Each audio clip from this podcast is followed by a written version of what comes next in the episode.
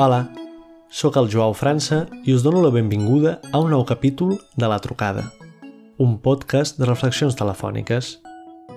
Avui truquem a la Vane Espanyol, membre fundadora i presidenta de l'associació Ubuntu, que va néixer per promoure el lleure de base comunitària als barris de la zona nord de Barcelona. Van començar fundant un cau i avui en dia promouen diverses activitats i gestionen serveis al barri. A l'Havane li preocupa que la seva tasca educativa i social no caigui en un assistencialisme molt arrelat en barris assenyalats com els més pobres. El que espera, i és l'objectiu d'Ubuntu, és promoure l'autonomia. Avui parlarem sobre l'assistencialisme. Truquem a l'Havane.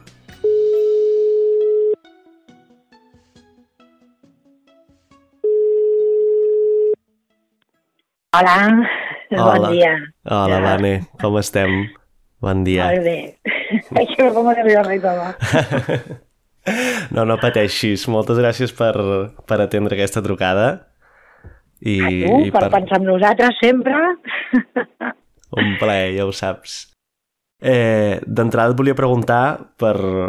Dius, per pensar en nosaltres, per qui sou vosaltres, no? Perquè tu ets membre, em sembla que presidenta de l'associació Ubuntu, de Lleure i Educació, i et volia demanar si ens podies explicar una mica eh, doncs d'on surt aquest projecte i, i què és i què feu, no? pues sí, pues tinc la gran sort, Joao, de formar part d'aquesta associació que vam néixer a l'any 2008. Um, la primera entrada va ser doncs, un, poder generar un espai de lleure educatiu amb dissabtes, el que es ve sent un cau, un esplai, Eh, aquesta primera idea era perquè amb l'any 2000, entre el 2005 i 2008 eh, veiem que és un honor pues, no hi ha activitats com aquesta amb el lleure educatiu i entenem que ja hi ha joves en aquests territoris que el fet de que no estiguin vinculats o generin aquests projectes associatius és per la manca d'oferta i de com és el territori en aquest sentit amb el lleure educatiu. Eh, i, i comencem per una falta de recursos per nosaltres a nivell i a nivell així d'activitat del que seria lleure educatiu i perquè creiem que hi ha una saturació dintre de l'administració, arrel d'això decidim organitzar-nos amb, amb una associació que esdevé l'associació Ubuntu per donar resposta una mica a aquelles demandes familiars i del territori que en aquell moment, de que ja comencem a fer acció amb els infants, eh, ens fan arribar una mica, doncs ja quan comencem, com que tots els que iniciem són voluntaris, però tots en l'àmbit social, que ja portàvem doncs, un rodatge i bagatge amb, amb el món social, amb, amb l'educació formal i no formal, tenim clar que aquest model d'intervenció ha de ser una mica uh, fugint, diguéssim, del que hi ha fins, a, fins ara, que, que, que encara està, no? que nosaltres diem, doncs, per exemple, en tema de relacions, quan diem laborals, perquè per nosaltres és el mateix remunerat que no remunerat. Quan parlem de relacions laborals, al final és eh, aquelles accions que fem de qualitat més que de quantitat, sí? que per tant són, acaben sent professionalitzadores. No? Una mica també doncs, tot el tema de com fem la cooperació entre els voluntaris, els professionals, les famílies, que això per nosaltres és com l'autonomia i la participació. No? I, evidentment, també doncs, amb tot el tema de la cura, l'efectivitat, les relacions humanes al centre, no? que siguin possibilitadores i que no siguin assistencials. No? Des del moment que iniciem, diguéssim, aquests projectes, intentem tindre molt de cura amb totes les relacions humanes de les diferents persones que estem actuant no? amb aquest projecte, perquè entenem que hem de ser persones possibilitadores i que les famílies i infants més endavant tinguin ells el protagonisme de liderar tot allò que vulguin al seu territori i fugir una mica de que ja torno dir perquè som un poc així, però del que s'entén més com l'assistencialisme social, no? Que, bueno, això també seria un altre gran debat. Una mica el treball comunitari, perquè entenem que pues, no, per educar l'infant necessitem tota la tribu i, per tant, el treball comunitari entenem que és també bueno, molt important, sobretot la cooperació i la participació amb el mateix territori per generar mm, un esperit crític, no? I després poder generar uns espais diversos on la civilització de, de les persones, dintre de que sigui individual, eh, vagi més enllà d'allò que és urgent. És a dir, eh, la idea principal és que la gent que es vincula eh, va, bueno, és més, es vinculi perquè té aquesta necessitat, com a totes les persones que vivim en societat, de vincular-se a alguna i, i ser partícip d'això, més que perquè puguem donar solució o resposta a, a allò que per ells és urgent, que a vegades sovint eh, pues, bueno, esdevenen coses que pues, sostén més la família, no? Allò que les famílies a vegades porten motxilles, portem motxilles molt grans i, evidentment, per poder alliberar aquesta motxilla també necessito espais on jo poder-me sentir eh, bé realitzada, realitzat, no? I poder compartir alhora tota aquesta motxilla que, que d'alguna manera a vegades no ens ajuda a poder seguir caminant, nosaltres diem, a poder seguir lluitant no? pels nostres drets i deures que esmentaves aquesta qüestió de, de respondre a allò urgent, no sé si el fet de respondre a allò urgent pot ser també una via d'entrada per aquesta vinculació més, més significativa, no? Pot ser una via d'entrada perquè mm, és cert que, i més a dia d'avui, que pues, hem crescut molt i, bueno, no hem crescut, seguim sent el mateix, el que passa que més organitzats i per sort amb més recursos a nivell professional, és a dir, ara som un equip de 12 persones remunerades i després hi ha l'equip gestor, que som 6 persones, llavors sí que nosaltres dèiem que a vegades la urgència s'ha d'escoltar, no? Sovint el que ens hem trobat és que la, la principal urgència és que les persones necessitem algú que ens escolti i que no ens jutgi. Llavors, Mm, sí que d'entrada pot ser que tinguem famílies d'infants que la urgència ha sigut eh, hola, necessito ajuda, però a darrere d'aquesta ajuda sovint eh, és això. És una ajuda que d'entrada és Mm, necessito una xarxa, necessito ser escoltat, necessito que m'atenguin, necessito que no m'etiquetin, necessito que m'expliquin bé les coses perquè no és perquè no vulgui, és perquè a vegades no entenc com funcionen els papers de l'administració. Eh, ara ens ho hem trobat molt, no? Ara sí que, oh, la bretxa digital, no? Ui, cuidao. Clar, bueno, doncs això ja ve de fa anys, no? eh, bueno, a més en territoris on la multiculturalitat eh, hi és, evidentment, a vegades eh, els temps no són els mateixos. Jo pues, he pogut viure a França i a França es viu d'una manera i el sistema funciona d'una manera. Si arribo aquí, algú m'ho ha de poder explicar. I a vegades no és que no ho entengui, és que haig d'entendre que es funciona d'una altra manera, no? i a la inversa també, no? Treballeu als barris de la, de la zona nord de la ciutat, no? Uh, que són Ciutat Meridiana, Disculpa, Torre Baró i... estem... Uh, bueno, diguéssim, ara tenim un petit local que és la sede Santa Rita, que és el local de l'Ubuntu, que està a Ciutat Meridiana, però treballem en el barri zona nord i també tenim famílies de Can Cullers i Montcada, perquè al final són territoris que també estan molt a prop, no? De fet, doncs, Ciutat Meridiana és més pròxima a Quan Cullers, que és Montcada, que potser el barri de la Prosperitat. No? I estan situats, doncs això, al final de todo de Barcelona. I que justament com aquest final de, de la de ciutat... Barcelona, sí, té... som la perifèria de la perifèria. Eh? Nosaltres estamos en la perifèria de la perifèria. Més allà de la perifèria n'hi ha perifèria. Hi ha com una, com una imatge d'aquesta perifèria, no? Vull dir que cada any quan surten les dades, Ciutat Meridiana és o el barri més pobre de la ciutat o un dels més pobres, no? Hi ha com... No sé mmm, què genera aquesta imatge i quines conseqüències té això, no? Una de les coses que diguéssim que, que sí que ens remou molt i ens va remoure en el seu moment era això, no? Eh, quan, quan es fa aquesta mirada, nosaltres sempre diem, és gent que no coneix el territori. perquè, perquè no és veritat del tot que per renta de càpita, que per moltes coses hem etiquetat aquest barri com a pobre, vale, però la gent d'aquí no és pobra, no ho és. És pobra de recursos, és pobra perquè és pobra, perquè és víctima d'un sistema que per nosaltres eh, s'ha repetit al llarg de molts anys, no?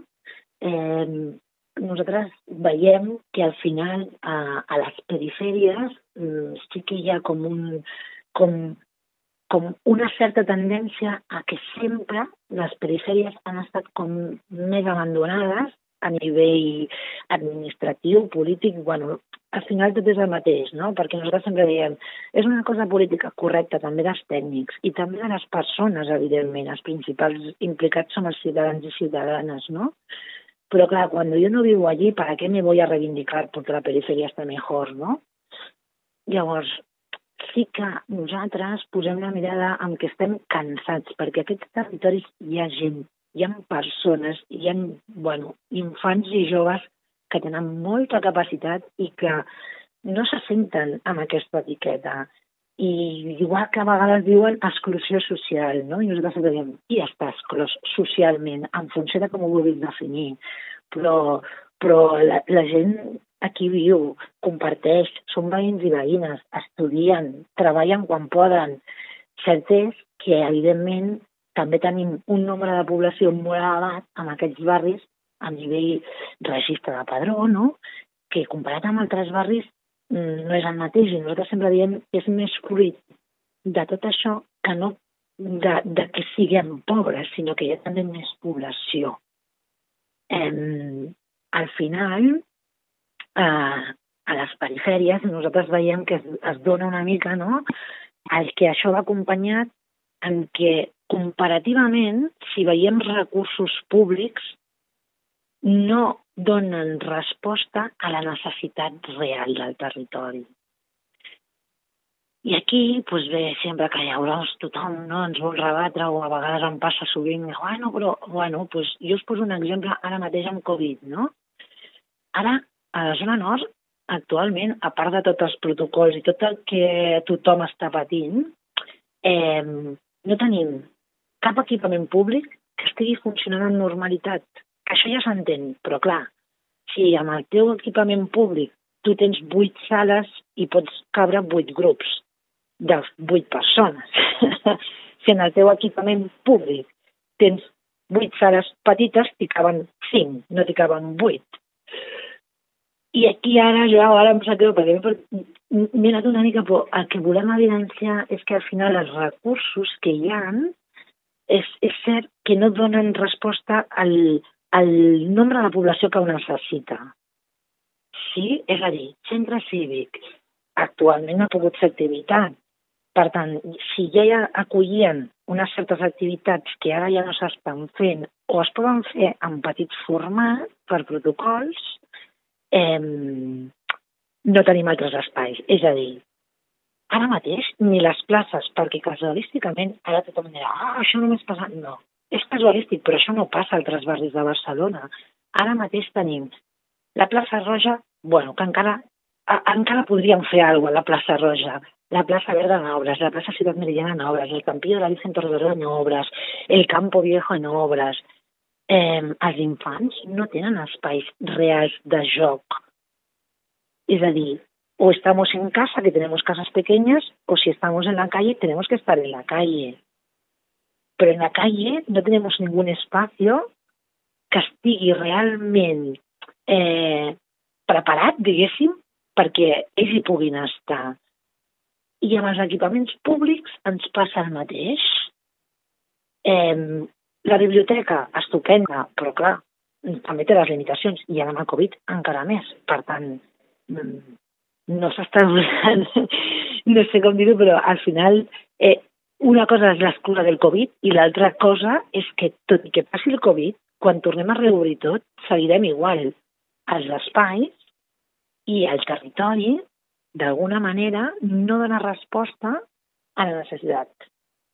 I nosaltres, una mica, l'aposta d'aquest petit local també anava per aquí, perquè al final tindre un espai on tothom hi pot passar i tothom hi pot entrar i tothom s'hi pot sentir segur, sí que és cert que allibera a vegades molts d'aquests neguits que, sobretot en aquests últims mesos, estan patint, no? Eh, perquè al final tots i totes necessitem compartir què ens està passant què, no? i com estem vivint les situacions, o fins ara també ens ha passat. És a vegades moments de la vida que hi ha coses que necessites suport perquè necessites suport perquè si no et pots tancar amb tu mateix o tu mateix i costa en sortir-se'n, no? Llavors nosaltres el que veiem és que amb l'excusa del Covid, mmm, en comptes de uh, no sé, millorar la qualitat de vida en aquests territoris, no ha anat a millor, ha anat a pitjor i que després ens seguiran posant les etiquetes, no? Tot l'estiu no dit, no, i els barris más COVID, mm, veniu, mm, hola, mm, veniu, veniu aquí.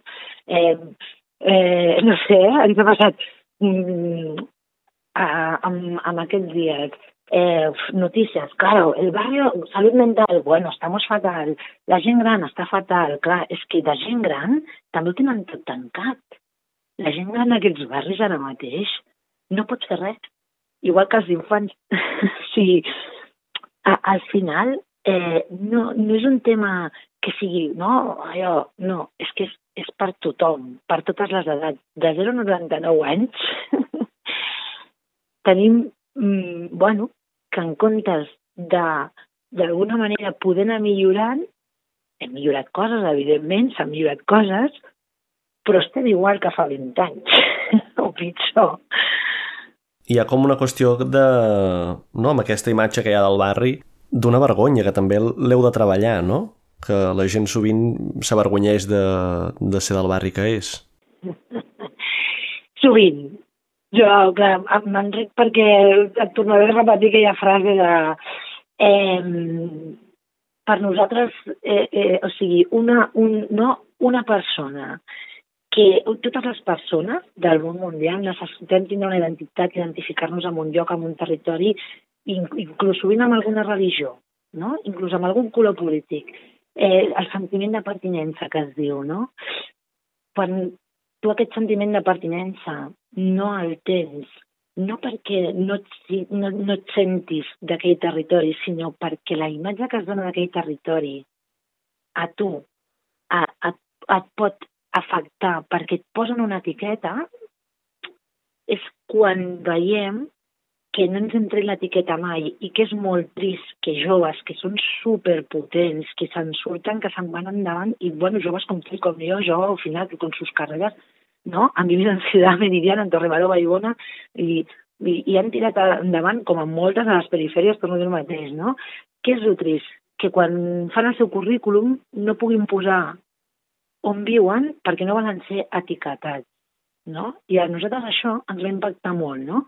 Perquè després hi ha molt aquest sentiment de barri, no?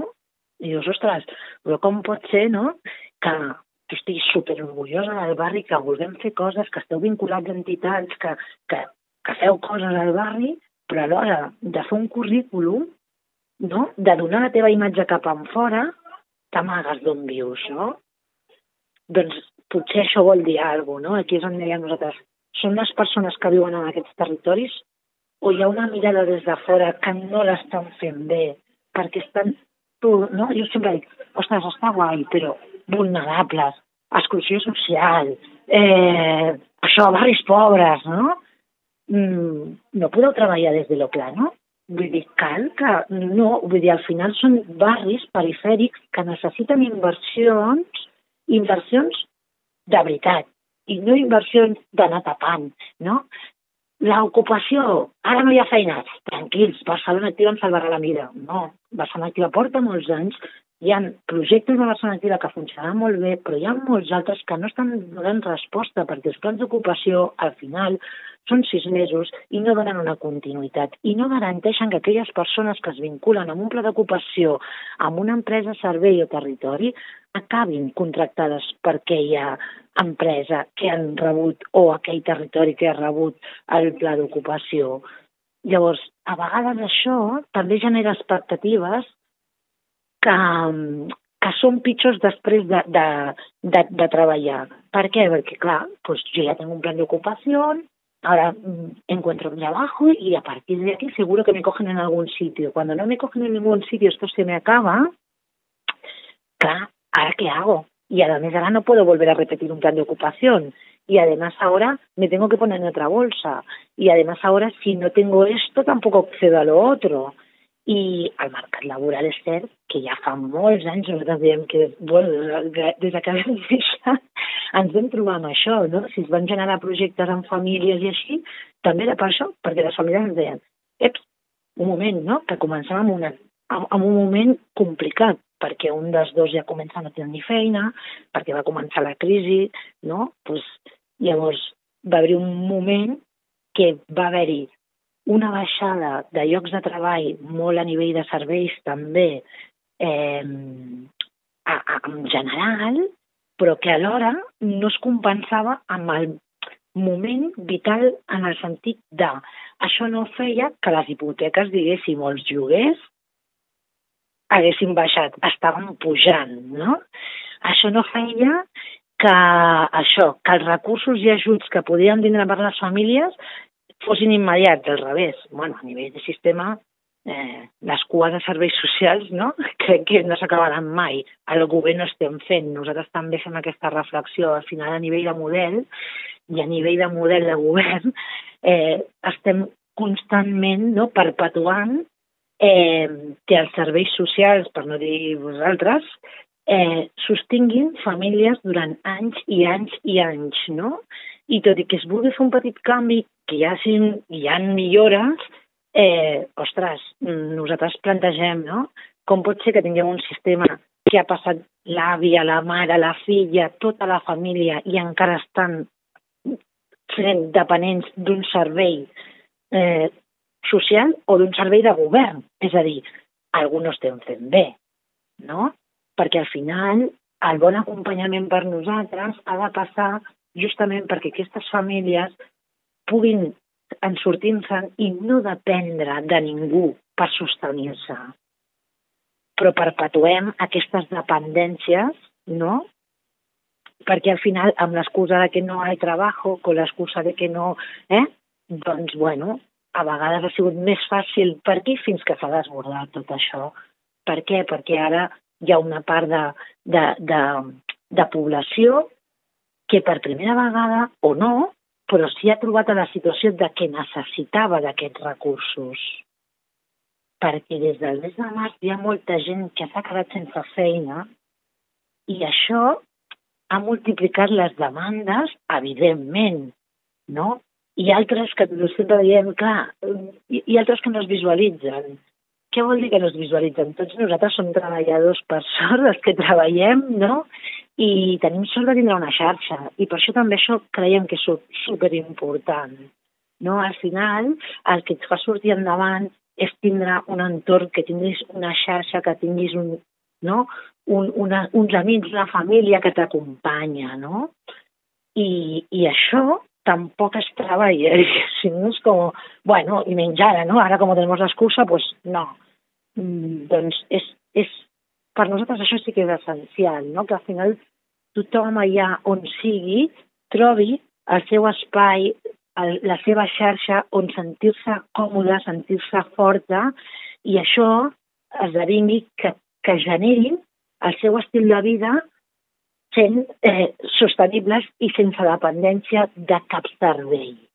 Una mica amb, amb aquesta línia que parlaves com de la manca d'inversió, però hi ha un tipus d'inversió que, que potser sí que hi és, no? I, I penso perquè fa un temps parlava per una altra història amb el Diego Sanz, que és un activista de la, de la plataforma Afectades per la Hipoteca de, de Vallecas, i ell em deia que en el cas de Vallecas, que crec que seria extrapolable, suposo, al cas de la zona nord, que parla de que hi ha barris que estan molt intervinguts, no? com era el terme que feia servir ell, i deia que qui més qui menys deia ha passat per treballadores socials de l'administració o d'entitats socials. No? Llavors, l'abordatge és... Eh, o sigui, la inversió està anant per aquí, no?, per aquesta via que dius. I no sé com això marca la gent, no? Exacte, totalment. És a dir, eh, al final nosaltres també pensem que a vegades hi ha masses recursos masses recursos tècnics per entendre'ns, és a dir, de professionals, i el que manca són altres recursos, que aquí, per primera vegada, diria la tutxana també, no? Els espais on puguin eh, on puguem generar altres coses, perquè al final aquests projectes arriben i se'n van també. I amb això també generem desconfiança. Per què? Perquè hi ha moltes famílies que per això també, quan deien, què és el vincle? El vincle és estar, és estar. O sigui, al final las familias también están cansadas de que ahora vengo, estoy un tiempo, prueba piloto, aquí somos los de la prueba piloto, seguro que en Vallecas también pobres les habrá caído. ¿eh? Vamos a hacer prueba piloto, ahora prueba piloto de concilia, venga, hasta enero, febrero, si funciona, seguimos. Eh, ahora prueba piloto, ¿no?, de un pla de, pues, amb joves. Llavors, clar, entre proves pilotos, plans que arriben de un, dos, tres anys, no?, són recursos que arriben i se'n van i això també genera desconfiança perquè al final, quan arriba algú professional que potser pot un suport eh, amb recursos, per exemple, per trobar feina, ¿no? Però llavors les famílies diuen, es que ya estoy cansado, es que ya estoy, estoy cansada, es que siempre es lo mismo, ¿vale? Ahora voy a ir a la asistenta, nos van a derivar a, a este recurso, me harán hacer este formulario, entonces me llamarán, ¿no? Y el día de mañana se van, me cambian el chico o la chica y he de volver a empezar. I explicar-li lo mismo, no? Bueno, aquí també s'està fent un esforç, ho haig de reconèixer, perquè tota la xarxa d'entitats i serveis puguem anar una mica més coordinats i una mica molt més en xarxa, per una mica, doncs, anar... Però al final tot això pel territori també és molt cansat, no? Perquè al final és això, ja genera desconfiances. I ara que me vais a traer? ¿No? ¿Y ahora qué va a pasar? ¿No? Brecha digital. Uy, corre, corre, corre. Ponemos aquí en la OAC a persones que us ajudin a tramitar. La gar renda garantida mínima. Saps quantes rendes garanties mínimes sabem que hem otorgat? Zero, Joao. No? Llavors, això també ens està passant ara que aquest retorn està sent molt dolent. Com pot ser? Vale, perquè jo li hice bien. Gent que ha pagat perquè li tramitin això i després el han denegat. No? Aquestes coses al final són, bueno, aquí arriben, descarreguen recursos per, bueno, nosaltres diem una mica perquè estiguem contents i llavors pues, no ens organitzem i lluitem per allò que sí que volem com a territori, pensem que és essencial i, i, i vital, no?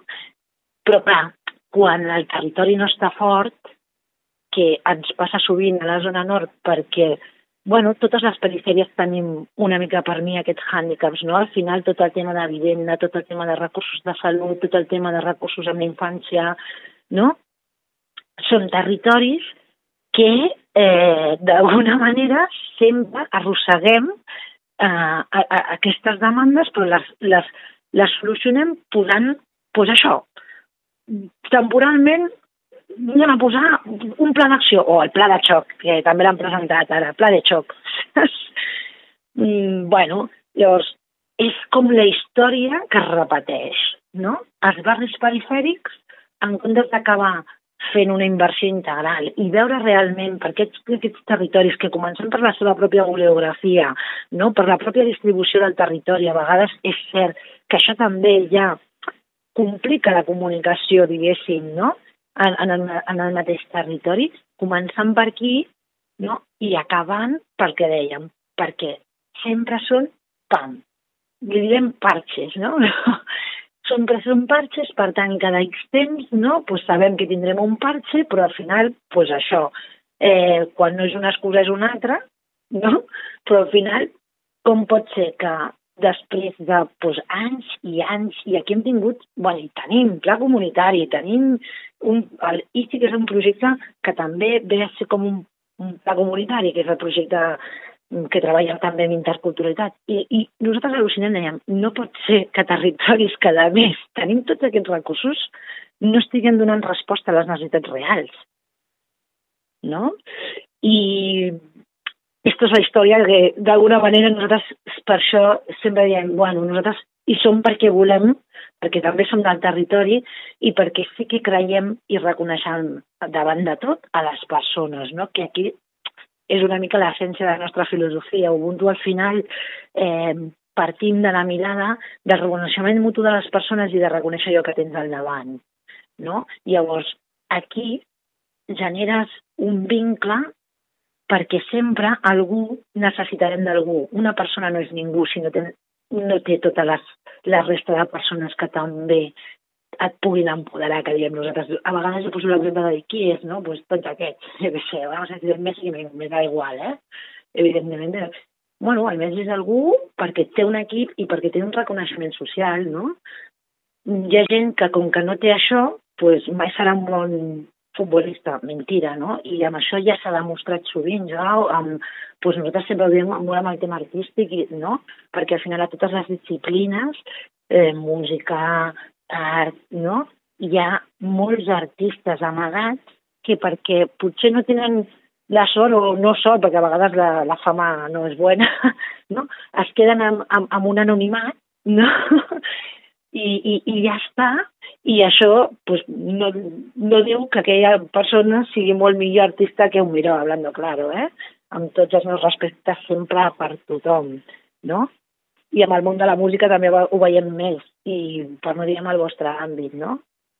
Al final això també passa, no? Llavors, una mica aquests territoris el que, el que necessiten, o nosaltres creiem, no, no és el que necessiten, el que ha de ser és, és això, és reconèixer que són territoris i que per la seva disposició tenen altres característiques i, evidentment, les accions i intervencions no poden ser les mateixes que altres barris. I això ho traduiríem, torno al mateix, a, tota, a qualsevol perifèria. Perquè les possibilitats que tu tens a, a vegades vivint prop, no? o, o més en un centre de la ciutat, i això passa als pobles, si tu vives en medio del pueblo o si vives a les afueres del pueblo, no té més. Si vives a les afueres del pueblo o tens alguna per arribar fins al mig del poble, no sé com dir-ho, o no, llavors això fa que tinguis un altre estil de vida. I penso, jo que visc concretament al Raval, que és un barri que té molt de pes d'estigma, de, no? però crec que sí que hi ha aquesta diferència no? d'estar al mig de la ciutat a estar a la perifèria. No? Correcte què passa al Raval? Que nosaltres és que al revés, eh? hi ha moltes entitats que estan fent molt, bueno, molt bona feina sempre a tothom. Eh, tornem al mateix, quan nosaltres, no, a vegades inclús ens ha passat eh, que al final nosaltres som una, una entitat petita que no tenim renom i no vendemos nada, saps? Vull dir així, no? Va, bueno, pues, pues energia i salut, això sí que transmitim sempre, no? Eh, que nosaltres sempre, a vegades ens passa perquè sí que ens contacta molta gent, no? Llavors, vale, sí, és que vull treballar, no? vull fer pràctiques, vull conèixer... Eh, clar, quan arriben aquí diuen, ui, és que està una mica lluny, no? I llavors et diuen, eh, com que sé que també allà al Raval hi ha projectes similars, doncs em sap molt de greu, però és que em va millor en el Raval. Què passa amb aquests barris que són més cèntrics? Per tothom ja és molt més fàcil l'accés, és real, no? I al final nosaltres tenim la teoria de que, evidentment, estan al centre de Barcelona i, per tant, allà som visibles. Aquí a vegades som invisibles i no volem eh, que vingui turisme mai, miento, miento. I vingui qui vulgui sempre serà benvingut, sempre que vingui amb respecte i pau que diem, no? Però és cert no, que al final sempre nosaltres a vegades ens ronroneja i diem ostres, si nosaltres estiguéssim al centre de Barcelona, tindrien tantes dificultats per algunes coses? I al final les dificultats també, Joao, és que aquí has d'estar tot el dia agitant. Jo, jo em canso una mica, eh? Jo, jo m'he guanyat una fama i és el meu rol, no? I, i, i, i és el meu rol i, i és la realitat. Al final ha d'haver-hi algú que faci veure que no tot es fa bé. Però no és que no es faci bé, és que es fa d'una manera que potser l'hem de canviar. Nosaltres sempre diem, tot està bé, però també hem de seguir canviant i transformant i hem de valorar. Sempre diem, on, on se'n van tots els diagnòstics i valoracions? Que també està sota, no? Per, per depèn les coses, eh, evidentment. I ara, vam començar. jo, és, és que va ser molt guai, eh? Tu comences. Ups, tancament, Covid, socorro, todos pa casa. Ara, en dues setmanes, el bombardeig que teníem de tots els serveis i de tots els caps de serveis perquè els hi passessin dades perquè qualsevol cosa, per protocol A, per dades de les famílies, per... Ostres, no? clar, eh, nosaltres dèiem, però si això ja ho sabeu. O sigui, qui s'esperava que fent un tancament com el que vam fer, a depèn quins territoris i quins barris, mmm, no passés el que ha passat. És a dir, manca de recursos per connectar-se a l'escola perquè no tenim wifi, xarxes d'internet que funcionin bé, per no dir que ja no tenim aparells per utilitzar-los. Però, però això sempre és solucionable, no? És com t'explicava. El menjar. O sigui, problema de menjar? No. El problema és que d'això eh, es fa una foto que d'alguna manera empodera aquells que més tenen, que diem nosaltres, no? Al final és, jo quan he necessitat, jo li demano al meu veí a la meva veïna, i menjar, sempre hem dit, la gent amb això és solidària, no? I, i evidentment, la, a, l'Estat ha de donar recursos perquè la gent tingui com a mínim el, el dret a poder menjar, parlant clar, però d'això no es pot fer una foto. Quina és la foto que nosaltres traiem? També, no? Pues tanquem, Covid, les famílies, i les primeres fotos que et surten és gent fent cua per sol·licitar menjar. És que tornem al mateix. I d'això en fan bandera. Ara, després, totes les xarxes de recursos i de xarxes de veïns que s'han organitzat ojo, que esto será una amenaza, que a esto sí que los voy a parar por la calle. No? Llavors dius, un moment, no ho estic entenent. Per què uns poden fer cues, no? I a sobre ho traieu a la foto, i a sobre es critiqueu perquè no estan complint amb els protocols, no?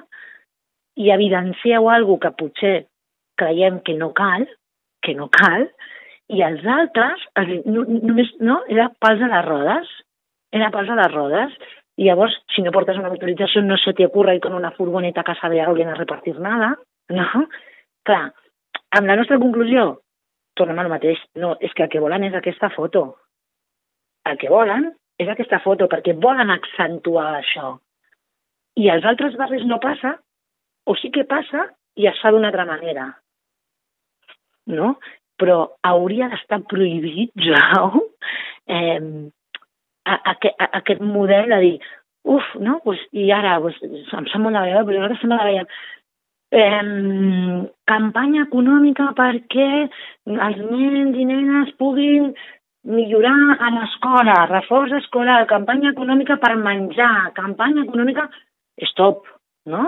No, això tenim un estat que ho ha de cobrir i ha de fer-ho d'una manera que no posi en risc ni perill la imatge d'aquella família ni d'aquell infant per no dir que si ja, pff, evidentment, en medi d'una pandèmia, eh, eh, al sortir de fase, no? La primera cosa que es va fer a aquests territoris és cuidado que vienen. ¿Qué vienen? Vienen los desahucios, evidentment, no? I tornem al mateix. I no és que hagi canviat alguna cosa, no. és a dir, tot això ja ho teníem abans, fa molts anys que ho tenim, però evidentment evidentment, ara, d'alguna manera, s'ha evidenciat i sí que ha pujat el nombre de famílies que necessitem coses. En general. En general. Que qualsevol família que ha viscut una pandèmia a Barcelona, eh, que tingui un pis de 50 metres quadrats, 70, sincerament, ens expliqui com ho ha viscut.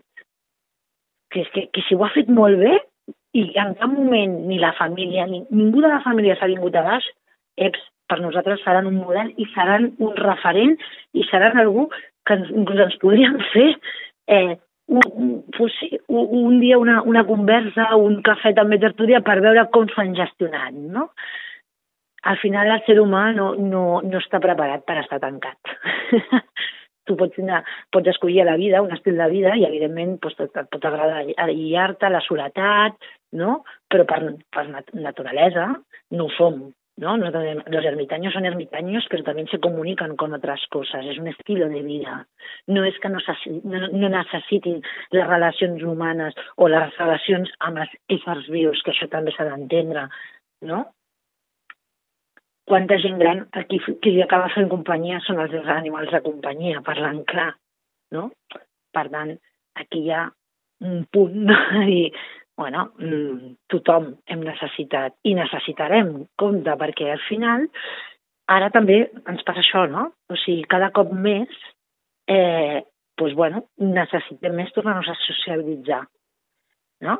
I, i necessitem el poder compartir i poder expressar i, i poder tindre llocs on, on no sentim, bueno, ens sentim jutjats, que no? ara qualsevol cosa és mm, però podem, però estem fent bé, però ara no sé què, però ara no sé quantos, no és com estem vivint constantment amb missatges de por, no amb missatges d'esperança de, al final, no? Perquè mm, cuidado, no?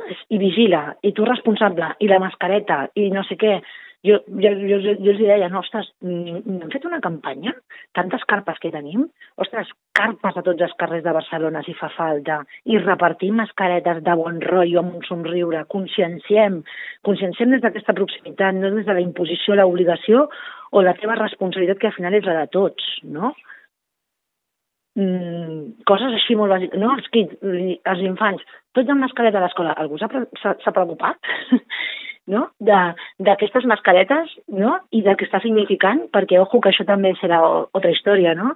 Al final, jo, nosaltres ja, ja ho explicàvem, no? És, cada mascareta forma part d'allò que som, de la nostra imatge. I, evidentment, jo el primer dia ja com mi mascarita superxula, supernormal, la que, no? la que tocat, fins que vaig veure que, ostres, doncs mira que hi ha mama que una mascareta més xula, i mira que hi ha que és de colors. Llavors, això també genera, ostres, doncs jo, mira, ara també vull una mascareta xula, no? I, i són petites coses, petits detalls que, que, que passen per insignificant, però al final són importants, no? Perquè nosaltres ho traduïm a tota la vida amb altres coses. Al final, si he portat ulleres, això m'ha generat que si no hi ha unes ulleres que m'agraden i em sento identificada amb aquelles ulleres, no? Eh, no estic bé a mi mateixa perquè finalment pues, o se'n riuran de les meves ulleres o d'alguna manera em privaran a fer de penquer perquè sé, no? I diguem les ulleres, com nosaltres hem dit sempre, doncs a vegades eh, la roba, eh, etc etc. no? Doncs, tonteries, no, no són, o sigui, són petites, a vegades li poden dir petites tonteries, però són coses i detalls importants. L'altre, Joao, que ja no dèiem, ara, no, nosaltres és cert que que entenem que és molt complicat la gestió eh, de, de tot un Covid, una pandèmia.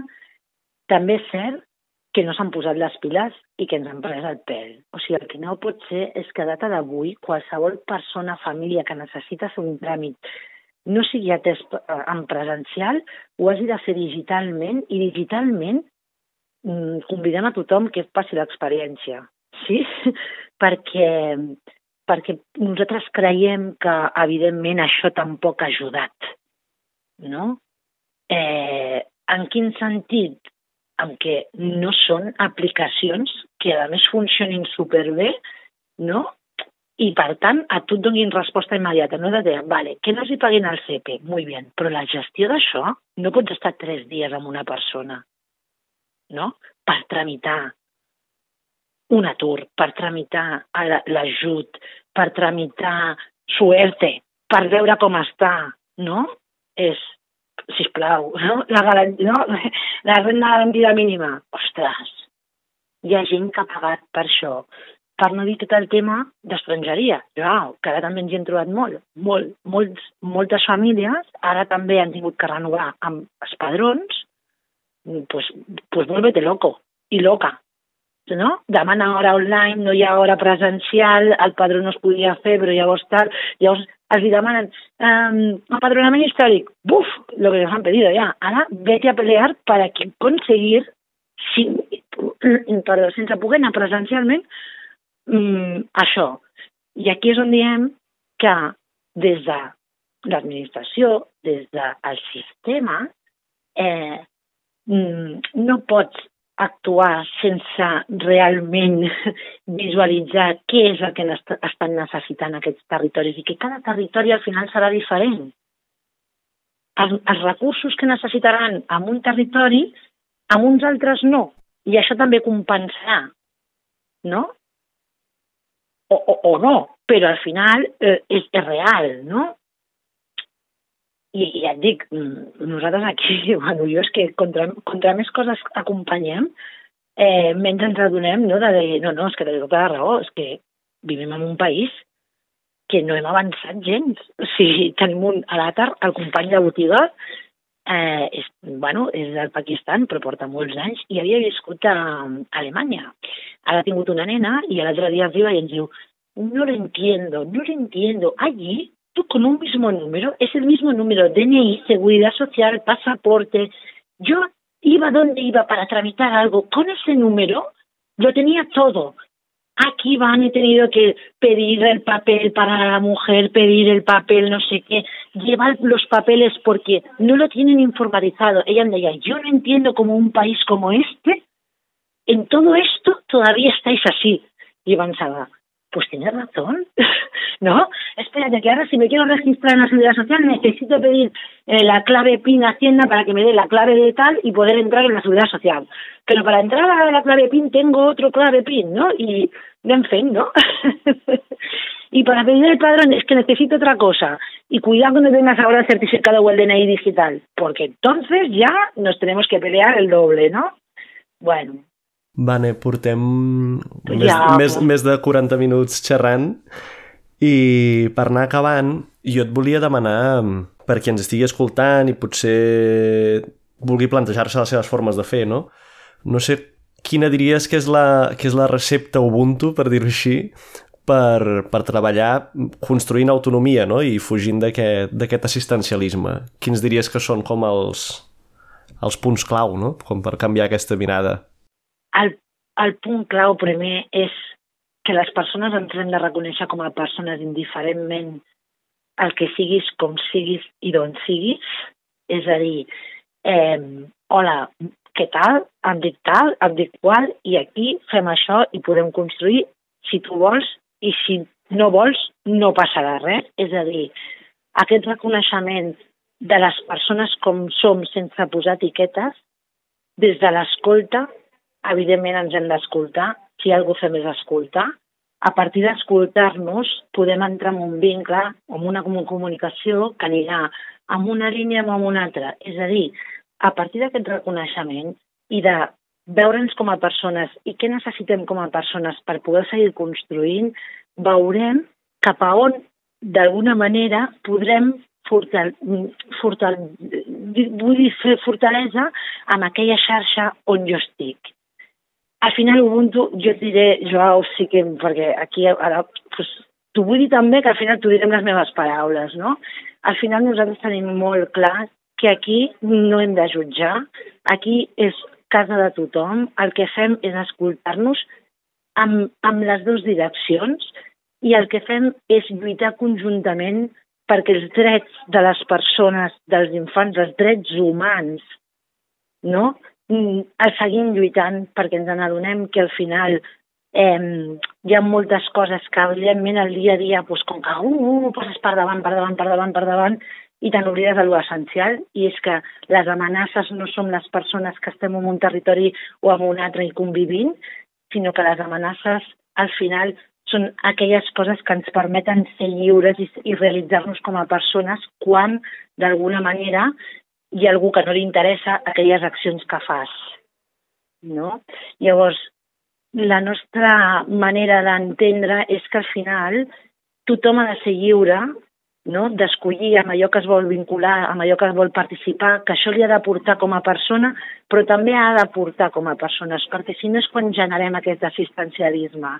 Si jo el que sento és que tu, Joao, ara m'estàs fent un favor, jo sempre em sentiré en deute amb tu sí, llavors aquest deute generalment dintre de, de la, de la, del ser humà ens ocasiona eh, un malestar, encara que no es vegi, ens, ens ocasiona una, una emoció que sovint és, és, és un neguit, no? Llavors, el que hem de trencar és, és, és amb això, no? Les persones, al final, hem de lluitar per sentir-nos bé i no sentir-nos en deutes amb res i amb ningú. Perquè ningú en, ens, ningú som més que ningú, no? Eh, llavors, una mica sí que amb això nosaltres pues, seria com la nostra no, base forta de dir, al final nosaltres el que volem és que tothom es pugui sentir bé i per sentir-se bé, no?, pugui sentir-se escoltada, escoltat i arribar allà on calgui per, per sentir-se bé i treballar des d'aquesta línia, des de la línia del sentim malament, es desde la pena. Y desde la pena lo que generamos, ay, qué pena. Entonces yo te ayudo, pero entonces yo soy más que tú porque te estoy ayudando, Joao. ¿No? Entonces no... En, ens, no ens, estem, ens estem ajudant, evidentment, ens estem ajudant, però, però, però una a l'altra, no? Perquè, pues per, per això, no? Pues perquè d'alguna manera mm, jo puc fer suport amb allò que jo tinc més coneixement, però tu també m'estaràs aportant, no? Una manera de mirar i de fer i de ser que a mi també m'ajudarà o bé a, a, a, a, a corroborar el com sóc jo o, a, o bé a posar un canvi o un altre caminet perquè allò que he visualitzat en mi des de l'altra mirada de la persona no, no m'està agradant, no? I aniria per aquí. A nivell... eh, què creiem que... Pues, evidentment el que creiem és que al final les polítiques no han de ser propaganda, han de ser d'acció. I al final, amb, amb, tornem al mateix, per nosaltres amb la vida de les persones no s'hi juga. I quan diem això és estem cansats i cansades de polítiques que al final acaben tapant forats i no acaben solucionant no? Aquelles dificultats que realment fan que els territoris anys i anys tinguin aquestes etiquetes i aquestes, no? Mm, hi ha moltes més coses a les perifèries que es podrien eh, posar en positiu, es podrien aprendre, no? Eh, ho podíem extreure, però això, doncs no, no? Esto no interessa. doncs a veure si, si n'aprenem. I que moltes Clar. gràcies, Vane. No, gràcies jo, pel teu temps.